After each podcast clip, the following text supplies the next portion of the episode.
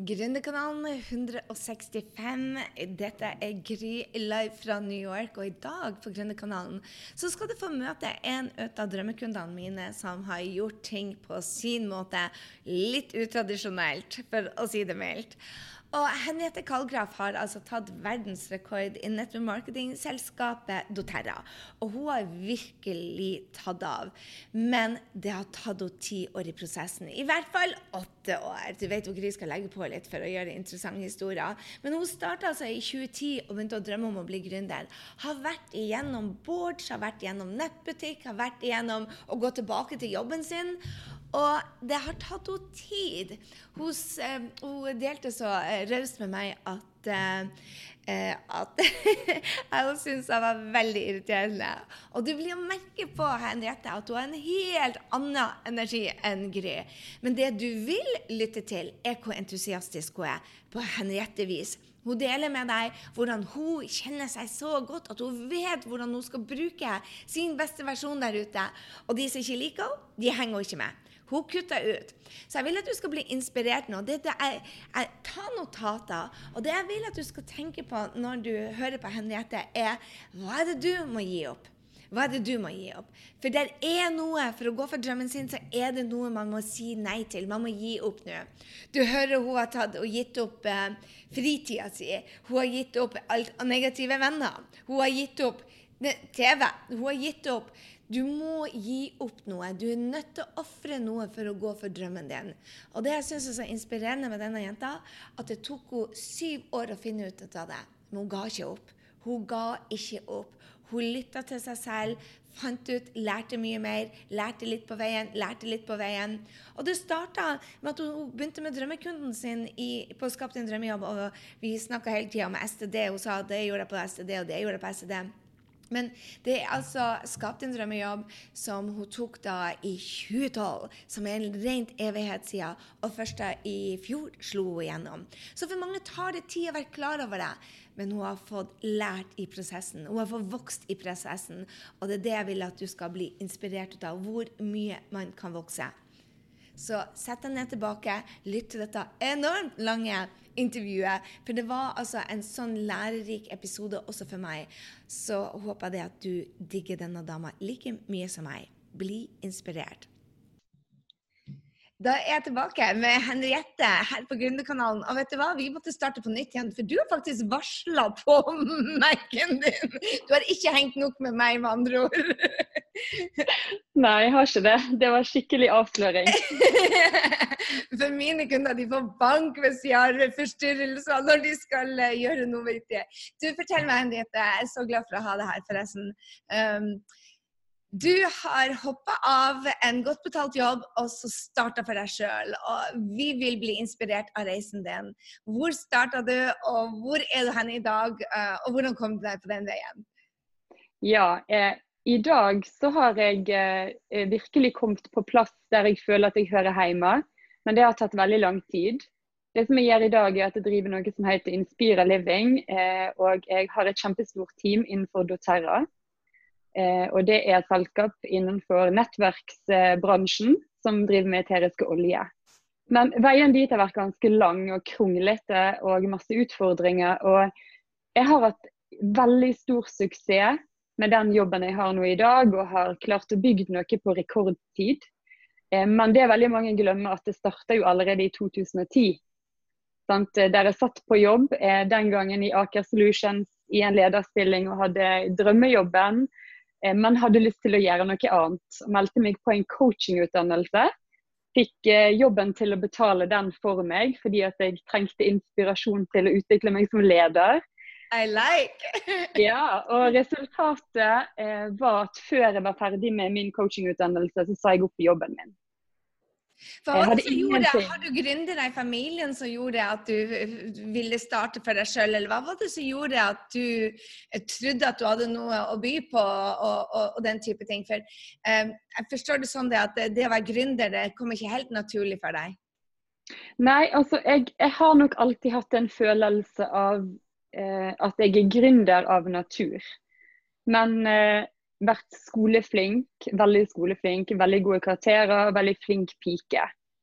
så har på en måte aldri til, jeg har aldri lært eh, å drømme stort, f.eks., eller det å ha store mål. Så for meg å ta sivilingeniørutdannelse og havne i toppstilling i store selskap, det var på en måte det som var eh, det ultimate. Men når jeg kom dit, så ga det meg ingenting annet enn stress eh, og sykdom. Og eh, hvorfor jeg begynte å leke med tanken med å hoppe av, det har jeg lurt mange ganger på, men min far han driver firma.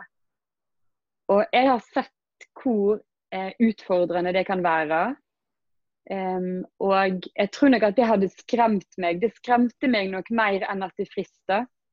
Men når jeg begynte, i og med at jeg er veldig lik på han, vi har veldig mange likheter. Eh, når jeg begynte å lytte til den stemmen inni meg som ropte høyere og høyere at det er noe større der ute.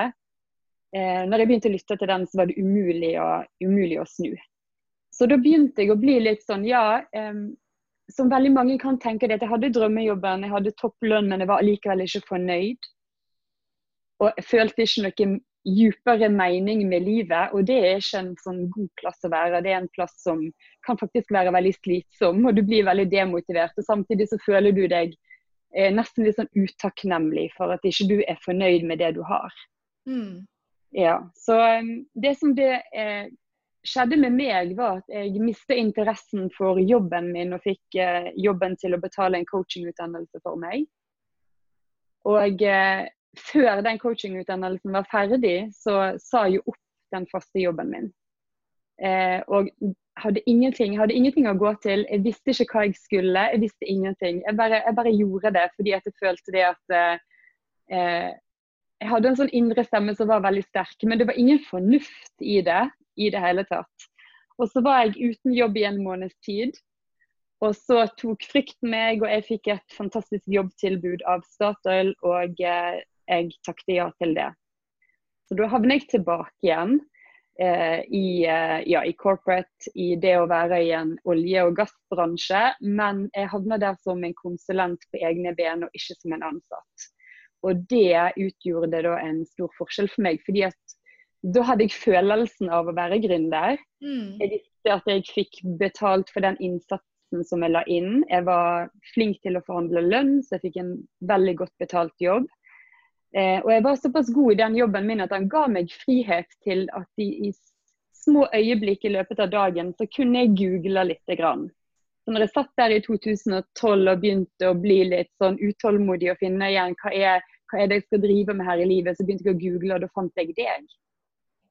Og du sa eh. jeg var veldig uprofesjonell, også da på video! Jeg synes det var veldig. Jeg husker, jeg husker du var en litt sånn irriterende nordlending. Jeg syns du, du, var bråkete og eh, hadde altfor masse energi i forhold til hva jeg eh, syns var komfortabelt å høre og se på. Men du, du hadde et budskap til meg som jeg trengte. Og hva var det? du trykte på noen knapper i meg som gjorde det. Altså, du har jo ingen sperre, vil jeg si, eh, på det å markedsføre deg sjøl. Og det å vise at, eh, vise at, du må ut av komfortsonen, det, det, å tørre å være deg. da. Så Vi er veldig forskjellige, men det, det som du lærte meg, var at eh, det går an til å tenke annerledes. Mm. Så når jeg var eh, når jeg var i Statoil i denne veldig godt betalte jobben min, Eh, så begynte jeg jo der òg å kjede meg, for jeg hadde ingen utfordringer. Og da tok jeg og meldte meg på å skape din drømmejobb. Og da visste du ikke hva du skulle gjøre? Nei, det visste jeg ikke. Eh, men eh, jeg visste at jeg hadde lyst til å være yogalærer. Eh, så jeg meldte meg opp på en yogalærerutdannelse som jeg tok samtidig. Så jeg må bare spørre deg, for dette er noe jeg ser hos veldig mange. og Jeg har ingen skam når det gjelder å selge lenger, men jeg hadde det tidligere. Men det er fordi at jeg vet at hvis ikke jeg putter meg sjøl ut der, så er ikke min drømmekunde. Får ikke jeg hjulpet min drømmekunde. Får ikke jeg hjulpet Henriette, som nå Du hjelper 4000-5000 mennesker. Ja, eh, jeg har en 4000 i teamet mitt. Nå har vi vokst med 400-500 nye personer hver måned. Hver måned. Så Ja. jeg vet det. Dette, dette er det jeg vil at du skal tenke på salg også, som det at jeg vet at hvis ikke jeg er min beste versjon og tør å dele det jeg har, så får ikke jeg hjulpet deg. Og hvis ikke jeg får hjulpet deg, så får ikke du gjort de, de 4000-5000. Og hvis ikke du lærer de 4000-5000 til å tro på budskapet sitt og elske det de gjør, og si hei, dere må komme og være med oss, vi må vekke de andre. Hvis vi ikke tør å vekke hverandre, så får vi ikke de ringvirkningene. Så, så Derfor er det er så utrolig viktig at vi lærer oss dette, dette tør å tro på budskapet, rett og slett. Ikke, ikke så mye for å selge. altså Salget kommer i, i den prosessen. Men det, det som inspirerer meg så utrolig med deg, Henriette, du visste søren ikke hva du skulle gjøre, men du visste det at du ville hjelpe andre mennesker. Og du trengte friheten din.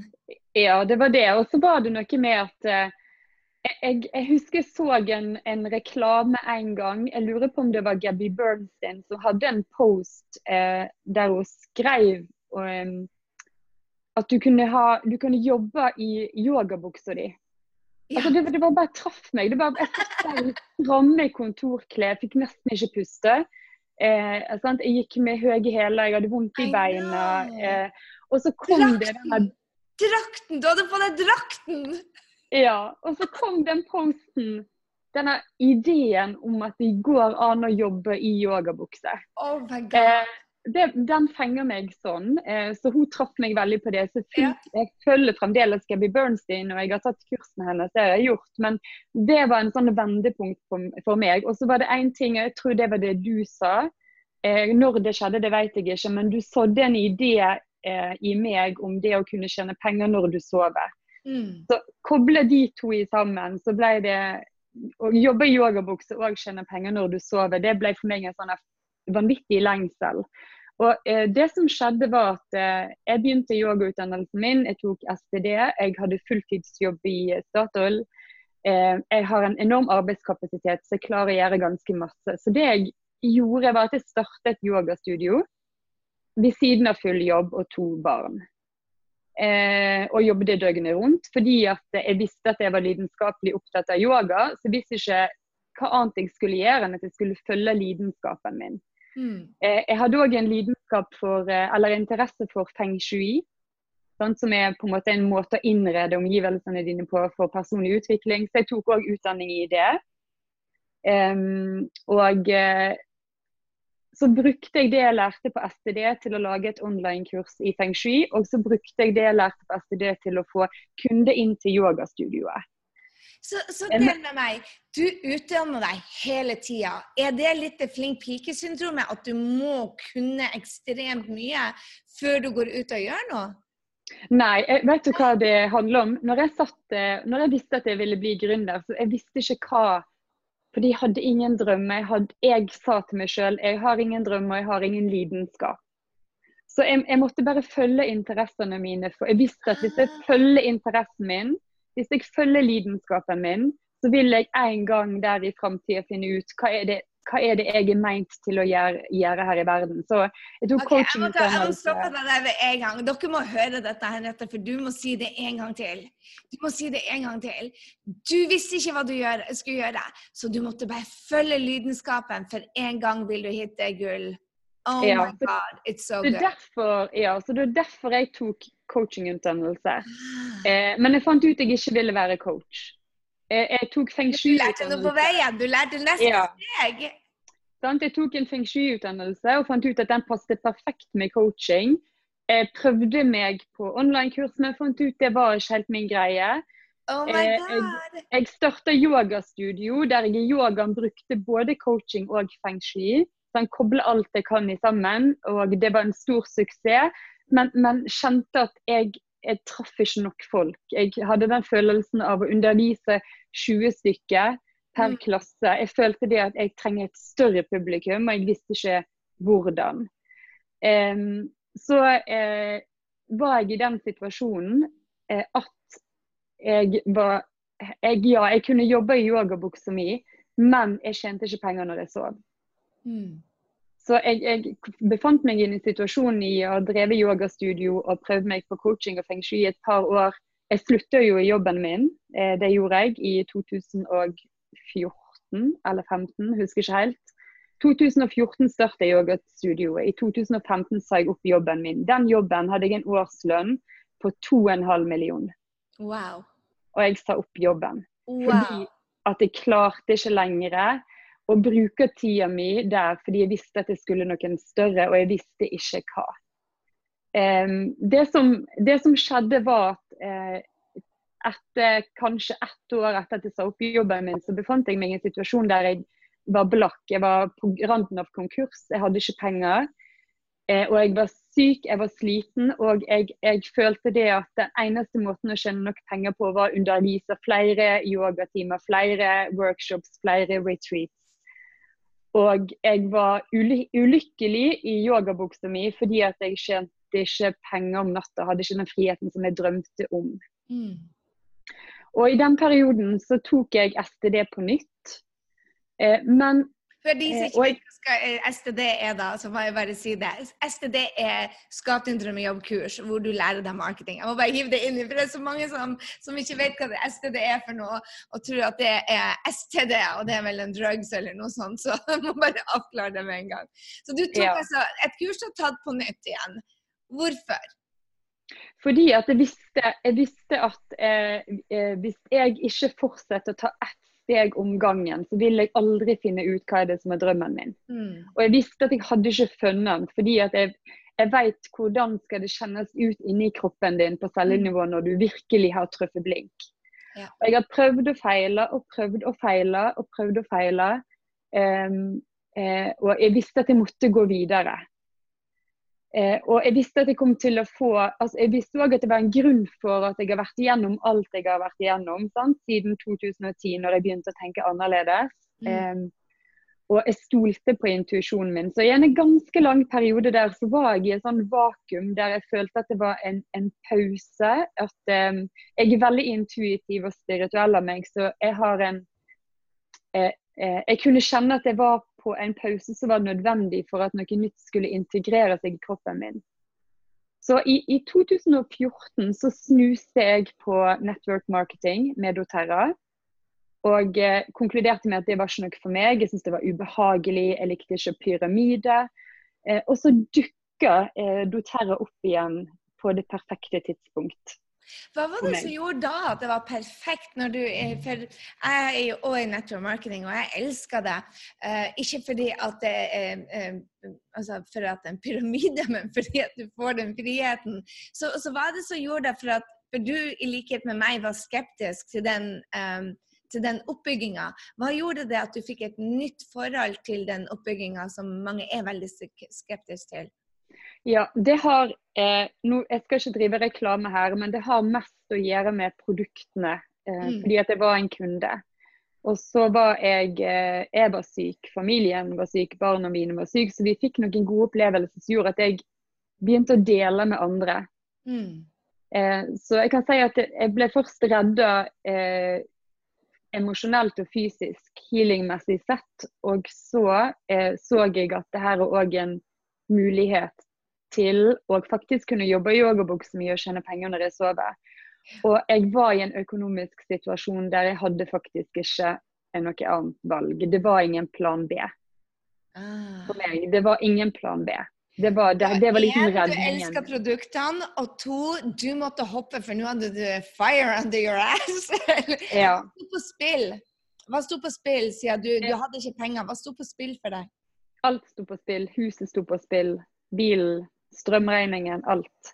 Eh, og det var den, jeg følte, jeg hadde den følelsen av at jeg hadde eh, litt sånn egoistisk ville fulgt mine egne drømmer og dratt familien ned i det økonomiske dragsuget. Ah, eh, og mannen min òg sluttet jobben sin ett år før dette skjedde. Han tok en sluttpakke. Eh, for å drive et firma som jeg startet òg i denne prosessen, som handler om å selge padlebrett. Jeg har vært innom veldig mange forskjellige ting.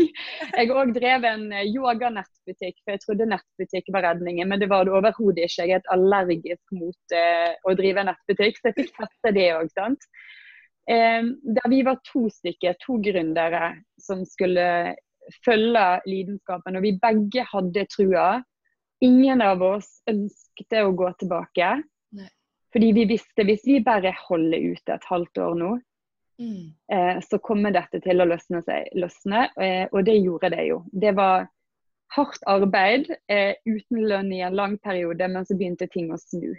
Wow. Hva er det som gjør det at du har så stor suksess med å bygge teamet ditt? Eh, for, for mange prøver seg i network marketing-bransjen, men de, de, når ikke frem til tross for at de elsker produktene, på tross for at de har et stort nettverk, på tross for at de legger alt til rette. Hva, hva, tror du er grunnen til det at du nå har tatt verdensrekord i doTERRA og klatra fort eh, opp? Har du, har, du, eh, har du kommet så langt at du har samme lønn som da du jobber i konsulentbransjen? Ja, jeg kjenner mer i dag enn jeg gjorde da. Så, og det, du har tatt verdensrekord og gått bare på Er det 14 måneder du holdt på? Eh, jeg, brukte, jeg, brukte, 18 måneder, altså et halvt år, på å gå fra null til den høyeste ranken du kan få innenfor doTERRA.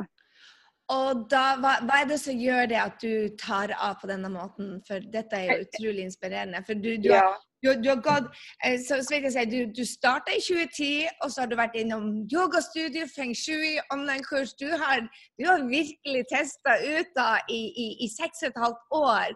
Og så tar det av, får du betalt for, for, for gründerreisen din. Hva er, det er neppe én ting, men hva tenker du er grunnen til at du bygger så bra der du er akkurat i dag? Jeg, jeg, tror for det første så er det det at jeg var en leder allerede før jeg startet. Mm. Eh, og de som ikke er det, de må, de må lære seg å bli leder. Sant? Så det slapp jeg. Um, og det er all den prøvingen og feilingen som jeg hadde hatt fra 2010. Eh, det kom, jeg føler at jeg starta denne jobben i 2010, egentlig. Mm. Og så fikk du eh, betalt i 2017? Nettopp. Ja.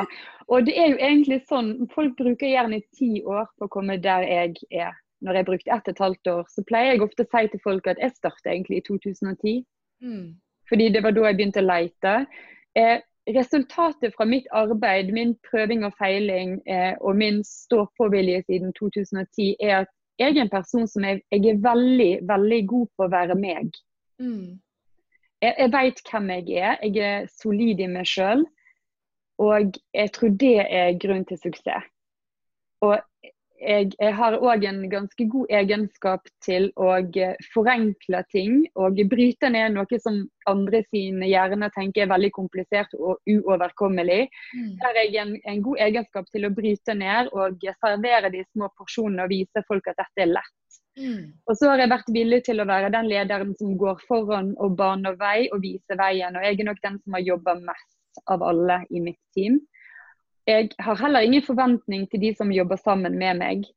Jeg forventer ikke faktisk noen ting av de, så mitt fokus har vært at um, jeg ser på det som min rolle å holde meg såpass inspirert at jeg automatisk inspirerer andre. Mm. Så jeg fokuserer kun på meg sjøl, og så er jeg tilgjengelig fordi jeg er òg en god coach. Sant? Jeg har coachingutdannelse, jeg har ledererfaring. Jeg har hjernen min som er trent sivilingeniør. Jeg er veldig flink til å forstå et system for å maksimere et resultat. Så jeg føler det alt jeg har gjort i hele livet opp til i dag, eh, som har formet den jeg er, det er grunnen til min suksess. Men man må kunne markedsføring, da. Eh, for det går nødt ikke bare å være deg hvis du ikke klarer å markedsføre deg. Hva er det du har gjort på markedsføringa? Ja, og, og, der tenker jeg sånn, Det som jeg har lært eh, med å jobbe sammen med deg, med å eh, At jeg har prøvd og feilt sant, i de her årene med online-kurs etc. At eh, i den perioden så forsto jeg spillereglene på Facebook, på Instagram. Jeg lærte meg å lage landingssider. Jeg lærte meg å, å, bruke det jeg kunne fra online-kurs til å lage en online eh, kursbase for medlemmer. Mm. Sånn at jeg har satt opp et system i dag som gjør at jeg kan håndtere én million medlemmer på samme måte som ti medlemmer. Det spiller ingen rolle for meg. Mm. Så det, det, har selvfølgelig vært avgjørende. og Det gjør at jeg er ikke jeg er ikke overvelda når jeg tenker at mitt team kommer til å bli 100 000 medlemmer, for det blir vi. Jeg er ikke overvelda på det. Eh, jeg har heller ingen sperre på lønn. Veldig mange har Eh, pengehistorie og, og, en sånn sperre på hva er normalt å ha som inntjening. Jeg tjente 2,5 millioner i året jeg, Jeg var vant med det. Det er ikke noe Det er ikke Ikke noe skam? Nei. Nei. Nei, sant. Eh, sånn at jeg har ikke hatt alle de sperrene som ofte stanser folk, uansett hva de skal drive med. De hadde jeg låst opp, eller hva jeg skal si. De, de var ikke der lenger hos meg når jeg da begynte med doTERRA. Mm. Det er veldig interessant. Man er ikke klar over at man har sånne sperrer. Eh, Jeg må jo dele med deg at når jeg kom til én million dollar, for det hadde vært målet mitt så lenge, så havnet jeg på én million dollar hvert eneste år, for jeg hadde en sperre på det at Gud, nå er du kommet der. Nå har du fått det du fortjener. Så, så, så der er ikke noe mer.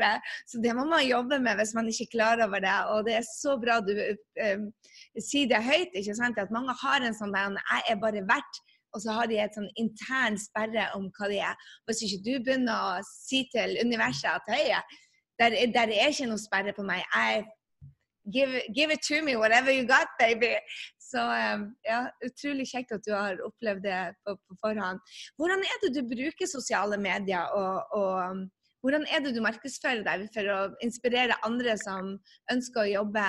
Og hva er det du gjør, tenker du, som tiltrekker deg mange folk som plutselig ser at doTERRA og deg kan hjelpe dem til en bedre helse? Ja, hvis du ser på Instagrammen min, så har jeg ikke så mange følgere. sant? Så nå har jeg kanskje 2000. Når jeg starta hadde jeg 450 følgere. Mm. Altså det, var, det var jo vennene mine og yogakunder, så jeg hadde ikke noe store following. Heller ikke på Facebook. Jeg tror jeg er rundt 2000 der òg. Og jeg hadde 150 likes når jeg starta. Allikevel hadde jeg ganske stor suksess. Eh, og det tror jeg var fordi at jeg hadde jo brukt mange år på å bygge meg opp eh, et yogafellesskap, et community. Mm. Så hvis du begynner i dag, eh, uansett om det er nettbutikk, eller om det er yogastudio, eller om det er network marketing, du må, du må lage deg et fellesskap. Altså, jeg hadde allerede det etablert. Mm. Så jeg kunne begynne å, å jobbe med det fellesskapet, communityet som jeg allerede har lagd, og introdusere inn dette nye inn der. Mm. Så, sånn sett så fikk jeg kanskje en lettere start, men det har jo tatt tid å bygge opp det fellesskapet av kunder. Og da, Eh, et fellesskap, da snakker du rett og slett om, om et nettverk av mennesker som, som du har Ja. bidratt til, mm. og som Ja, du er en del av. Mm. Ja. Og så, og så er det veldig mange som tenker at jeg har hatt en god plan og en god strategi bak min suksess, og eh, det har jeg ikke. Jeg er av natur helt allergisk mot planlegging. Um, sånn at jeg, jeg, jeg kommer til å bli en endring for meg nå framover, men hittil så har alt vært styrt av uh, inspirasjon. Så jeg har en sånn Hvis jeg uh, føler meg inspirert, da poster jeg på Instagram, men ikke ellers. Ah. Jeg, jeg, legger, jeg legger kun ut noe hvis det kommer virkelig fra djupt inn i hjertet og i sjel og jeg er kjempeinspirert. Da når innleggene mine veldig langt. Mm. Eh, så det er det jeg har gjort. da, og Det kan være at jeg poster på tidspunkt som overhodet ikke er lur i forhold til eh, når det er lurt å poste. Eh, så jeg har bare fulgt inspirasjonen min og stolt på at den når ut. Og jeg vet at alt er energi. Mm. Så jeg gjør aldri noe hvis jeg føler at jeg er lav på energi, hvis jeg er uinspirert, hvis ikke jeg eh, er på plass i meg sjøl. Da, da, da går jeg et steg tilbake og fikser meg sjøl. Da, da må jeg dra meg sjøl opp igjen. Eh, og jeg vet at når jeg er inspirert, så blir andre automatisk inspirert. Så har jeg òg en sånn her eh, leveregel som er 'easy is right'. eh, og det betyr òg at fordi som gründer, du har så mange ideer. Mm. Jeg er sånn typisk multi-passionate entreprenør. Altså, det er så mange ideer at jeg vet ikke liksom, hvor skal jeg gå hen. Nei, du har jo Og vært jeg- innom de fleste bransjene nå, så Ja, så jeg, jeg pleier å ha en sånn guiding på okay, hvis ikke dette går sånn som du hadde tenkt, hvis det er mange hinder i veien, så er det på tide å tenke går jeg feil vei nå? Er det noe som må justeres her? mm. Eh, ja, så jeg følger alltid den metodikken òg. Og det gjør at jeg ganske raskt slipper noe. F.eks. Eh, eh, jeg startet en online yogabutikk. Eh, og syntes det var kjempegøy. Og så innså jeg etter en stund at eh, jeg likte ikke det å følge opp kunder på den måten og drive sendepakke i posten på ting i retur og folk klagde. Altså, det ble jo Jeg syntes det var forferdelig. Ja. Istedenfor å klamholde meg til den og tenke at jo det, jeg bare pusher litt ekstra nå, så går dette bra, så hadde jeg en stemme som sa du må snu. Nå har du testa dette, og nå har du bare kan du hake av nei, det var ikke noe for meg, det er noe annet der ute. Men jeg lærte noe av å drive den nettbutikken, sant? og det har jeg tatt med meg videre.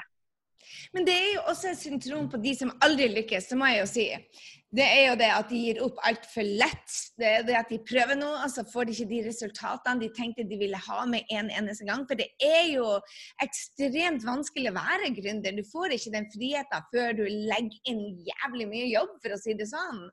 Og det jeg ser det, det at folk med en gang de møter litt motstand, så er det bare sånn Å nei, det er ikke for meg, da. Så det er jo en, en, det er en risiko du driver på med, men det har jo litt med din personlighet òg, sikkert, for at du vet at du må legge inn i den type jobben. Men det er når du ikke trives da med de arbeidsoppgavene som du vil ha? Eller det, ja, nei, det går mer på det at folk, livs, Livsfarlig råd til folk som sier, hvis det blir vanskelig, så er det bare å hoppe over til noe annet. Da tjener du aldri penger. nei, nei, det er sant. Eh, det er sant. Altså, jeg eh, Hvis jeg hadde gjort det, så hadde jeg vært tilbake i den godt betalte jobben min. Ja. Hvis du har, eh, og det mener jeg, og det ser jeg i mitt team òg, de som virkelig vet hvorfor de har lyst til å drive med det de driver med, de som mm. har en, en eller annen visjon som går utover seg sjøl, eh, eh, de blir ustoppelige. Ja. De vil alltid finne sin vei.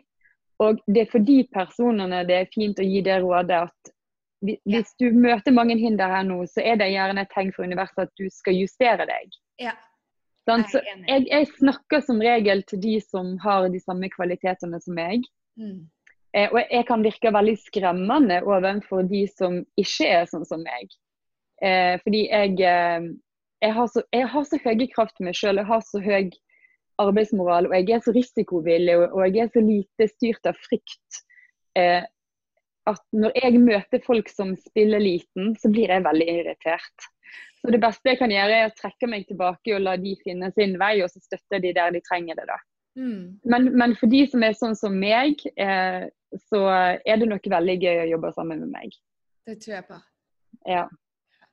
Så Henriette, hva er dine ambisiøse mål fremover? Nei, nå eh, har jeg jo eh, kommet i den veldig uvante situasjonen for meg at jeg har nådd målet mitt. Og i denne måneden så er jeg inne i en sånn der fase der jeg tenker OK, jeg nådde målet mitt. Hva nå? Mm. Hva skal jeg gjøre nå? Så jeg er i en endringsfase. Og eh, jeg eh, går mer internasjonalt ut nå, så jeg begynner da å jobbe òg med teamet mitt innenfor Sverige og Danmark. Eh, men òg andre land, bl.a. Italia og andre land i Europa. Og jeg er en sånn eh, overgang, og jeg går ifra å være en lærer innenfor Norge der jeg kan snakke norsk, til å begynne å snakke engelsk. Og det er en veldig stor utfordring for meg. Det kan jeg love deg. Og jeg kom nettopp hjem fra en stor konferanse eh, som eh, handler om å drømme stort. Og eh, min drøm for å bli eh, Presidential Diamond innenfor doTERRA var jo en gigantisk drøm, og så oppnådde jeg jo det lenge før jeg hadde tenkt. Så herlig. Så er, ja, så nå er det at OK, jeg må ha en ny drøm. Og jeg vet at hvis ikke drømmen er så stor at, han, at jeg blir redd min egen drøm på en måte, så er han ikke stor nok. Mm. Så jeg, jeg, er faktisk jeg er i en prosess nå for å finne det nye målet mitt, og det er ikke helt på plass. Altså herlig. Det er så interessant ja. at du sier det, for at, uh, jeg er akkurat sammen med tre av mine råsmarte gründervenninner, hvor jeg tror jeg har 5000 på Instagram, og disse jentene når vel uh, en million uh, så, til sammen. Så, og ene har en e-mail-liste på 1,3 millioner. Så det er liksom, de er langt utenfor min komfortsone. Og det er jeg satt sammen denne gruppa. Og da i går så, så satt vi det at vi alle har platåer.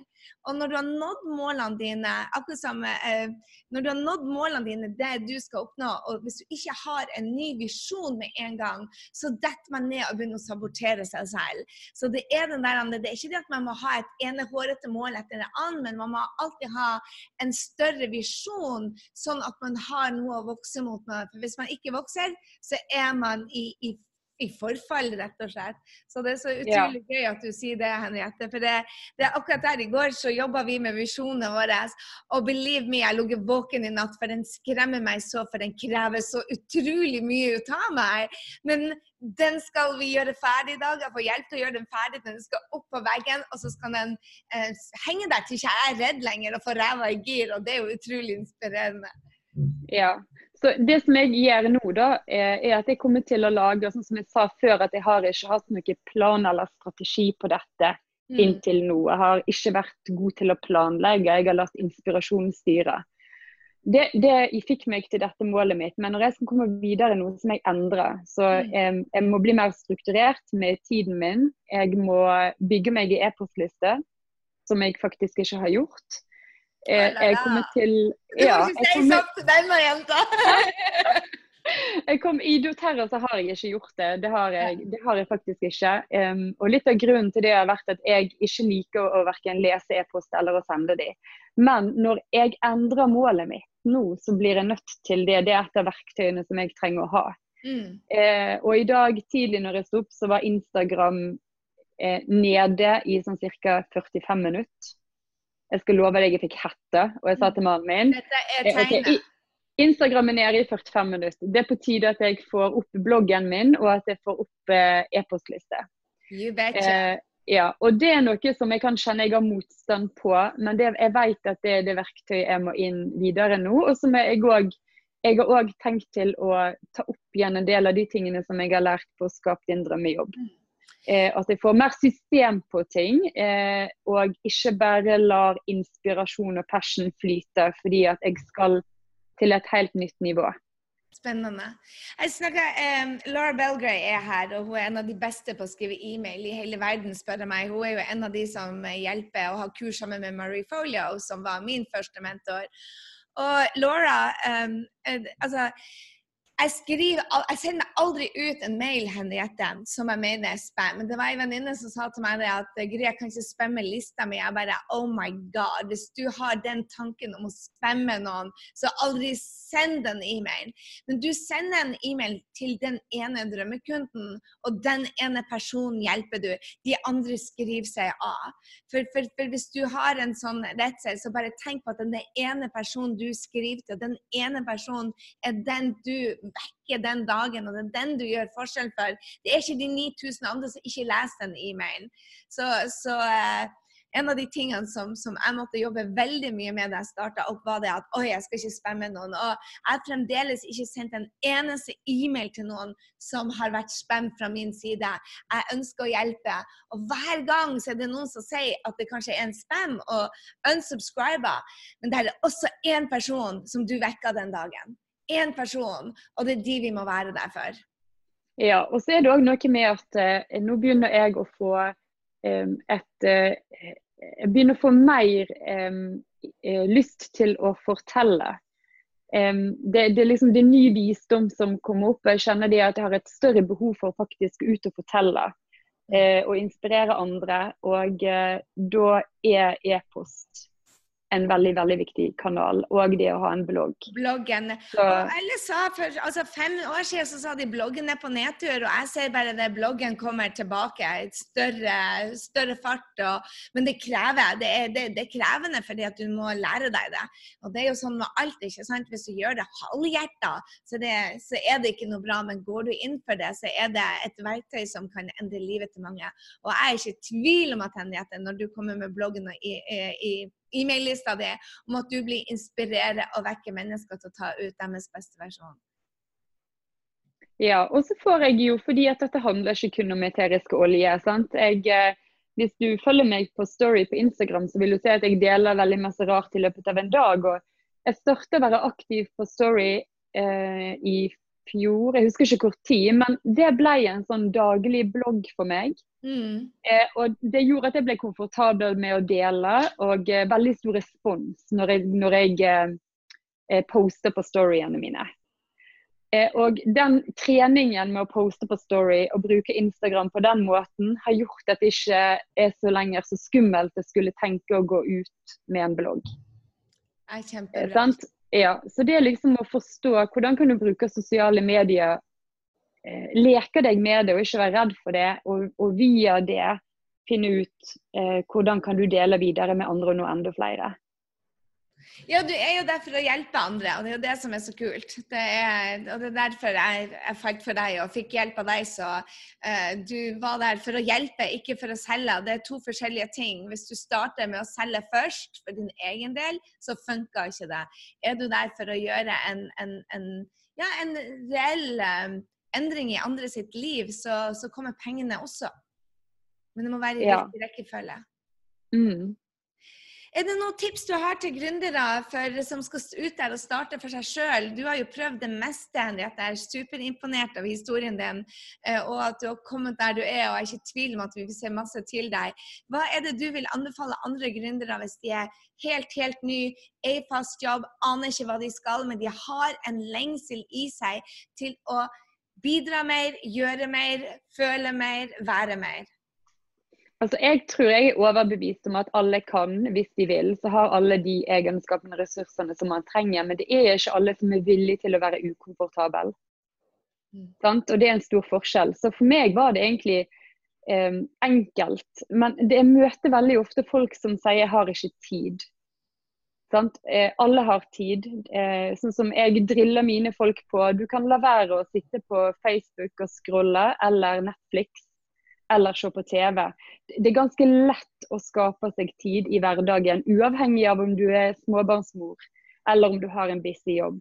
Hvis, hvis lidenskapen din er der, så mm. skaper du deg tid. Ja.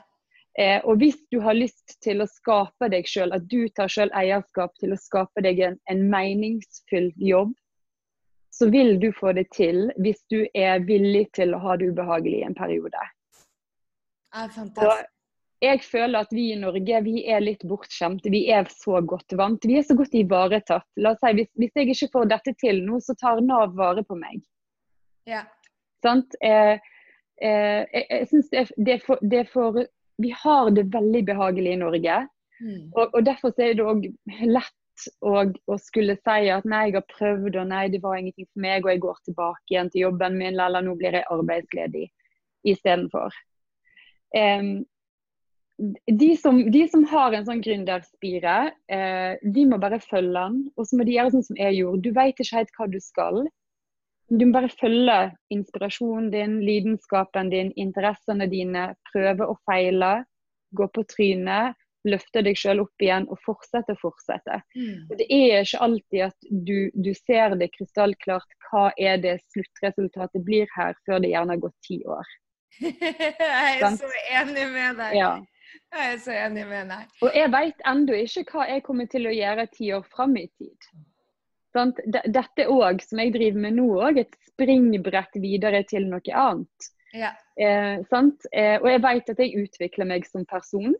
Mm. Eh, og derfor så vil min rolle i verden òg utvikle seg. Det er helt naturlig. Jeg kommer ikke til å eh, være stuck eller sette meg på pause der jeg er nå. Fordi jeg vet at det er ingenting som heter å ta seg en pause. Det er som å sette reversen på. Du går rett tilbake. Mm. For Det eneste du kan gjøre, er å gå framover og gå framover. Ofte så er det bare ett steg om gangen. Sant? Og jeg, har, jeg, bruker musikk òg eh, til å motivere meg, og har en favorittsang til alle dere som er gründere, som syns at dette er hardt og du vet ikke hva du skal gjøre. Så er det en sang med Sia og David Guetta som heter 'Flame'. Den er rå. Eh, ja, og den teksten der, eh, den har jeg brukt som motivasjon når jeg har hatt store, hårete mål. Og det logiske sinnet mitt sier at dette går ikke, mm. men stemmen inni meg sier at dette går. Eh, og så er det da å velge. Du velger selv om du vil lytte til din egen frykt eller ikke. Mm. Og hvis frykten er det som stanser deg, så blir jeg veldig lei meg, og sjela di òg blir veldig lei seg. fordi at frykten som du føler, den er egentlig bare et symbol på eh, potensialet som ligger der. Mm. Når du har kommet igjennom. Og det er ingen vei å gjøre dette uten frykt. Sant? Men du kan praktisere frykt, eller du kan la være å praktisere frykten din. Sant? Eh, så eh, i hvert fall inn på network marketing, kanskje spesielt der, for der er det jo det er så personlig. sant? Mm. Eh, der er jo eh, det med personlig utvikling eh, en trolig viktig del av det, og dette med mindset. Så få deg en coach. Få noen som daglig drar deg opp igjen. Eh, kutt ut alt som har negativ energi, alt, alt som ikke har tro på deg. Jeg, jeg, har distansert meg fra alle folk som ikke har tro på min drøm. Ja, fantastisk. Ja. Modig. Eh, ja, og det har jeg gjort, og det har jeg vært ganske åpen med òg, fordi at jeg kan ikke la det ødelegge eller sette meg tilbake. da. Så det har jeg vært veldig bevisst på. Så jeg har ikke vært så veldig sosial de siste to årene når jeg har jobba med dette. Og det er fordi at det har vært nødvendig å være inne i min boble eh, og eh, ikke la verken nyheter eller eh, andre sine synspunkt egentlig ødelegge for den, den drømmen. da. Tusen hjertelig takk, Henriette, for du tok deg tid. Dette var helt rått. Og jeg er overbevist på at du har inspirert en uh, gründerspire til å ta tak i hennes liv. Hjertelig takk. Takk for at jeg fikk komme. Det var altså Henriette Kallgraf. Du finner henne altså hvis du går inn på grysynding.no slash 165. Og jeg vil også minne deg på at nå på søndag, hvis du lytter til den når den kommer ut, så har vi en workshop, den siste i rekka, for deg som vurderer å starte for deg sjøl, eller for deg som har starta for deg sjøl. Du har bare ikke lært deg markedsføringa. Da er denne episoden for deg. Gå inn på grysynding.no slash workshop, eller på 165. Grysynding.no 165 og meld deg på. Hør her, som Henriette, så er det kanskje ikke Kanskje ikke i dag du finner drømmejobben din, men hvis du ikke starter noen plass Du er nødt til å starte, så hvis du har den indre stemmen i deg, start en plass. Ta et lite steg. Det er alltid, alltid, alltid en løsning på enhver utfordring. Det er tre løsninger til enhver utfordring. Og kanskje er det workshopen med oss, eller kanskje er det Henriette sitt intervju som får deg til å tenke i litt nye baner. Litt nye baner, kjære venn. Håper du blir inspirert. Hvis du digger Gründerkanalen, hvis du digger dette, ta en screenshot ut av eh, podkasten, og del med meg hva du tok med deg. Jeg elsker, elsker, elsker når jeg hører fra dere. Og så hjelper det oss som bruker tid og eh, masse energi på å lage disse episodene, sånn at du skal lære noe vi som jobber så hardt for å lage det podkaster, du gir tilbake til oss med å dele det med dine folk. Mus-mus, ha en strålende uke, og så høres vi igjen neste uke på Gründerkanalen. Hei så lenge!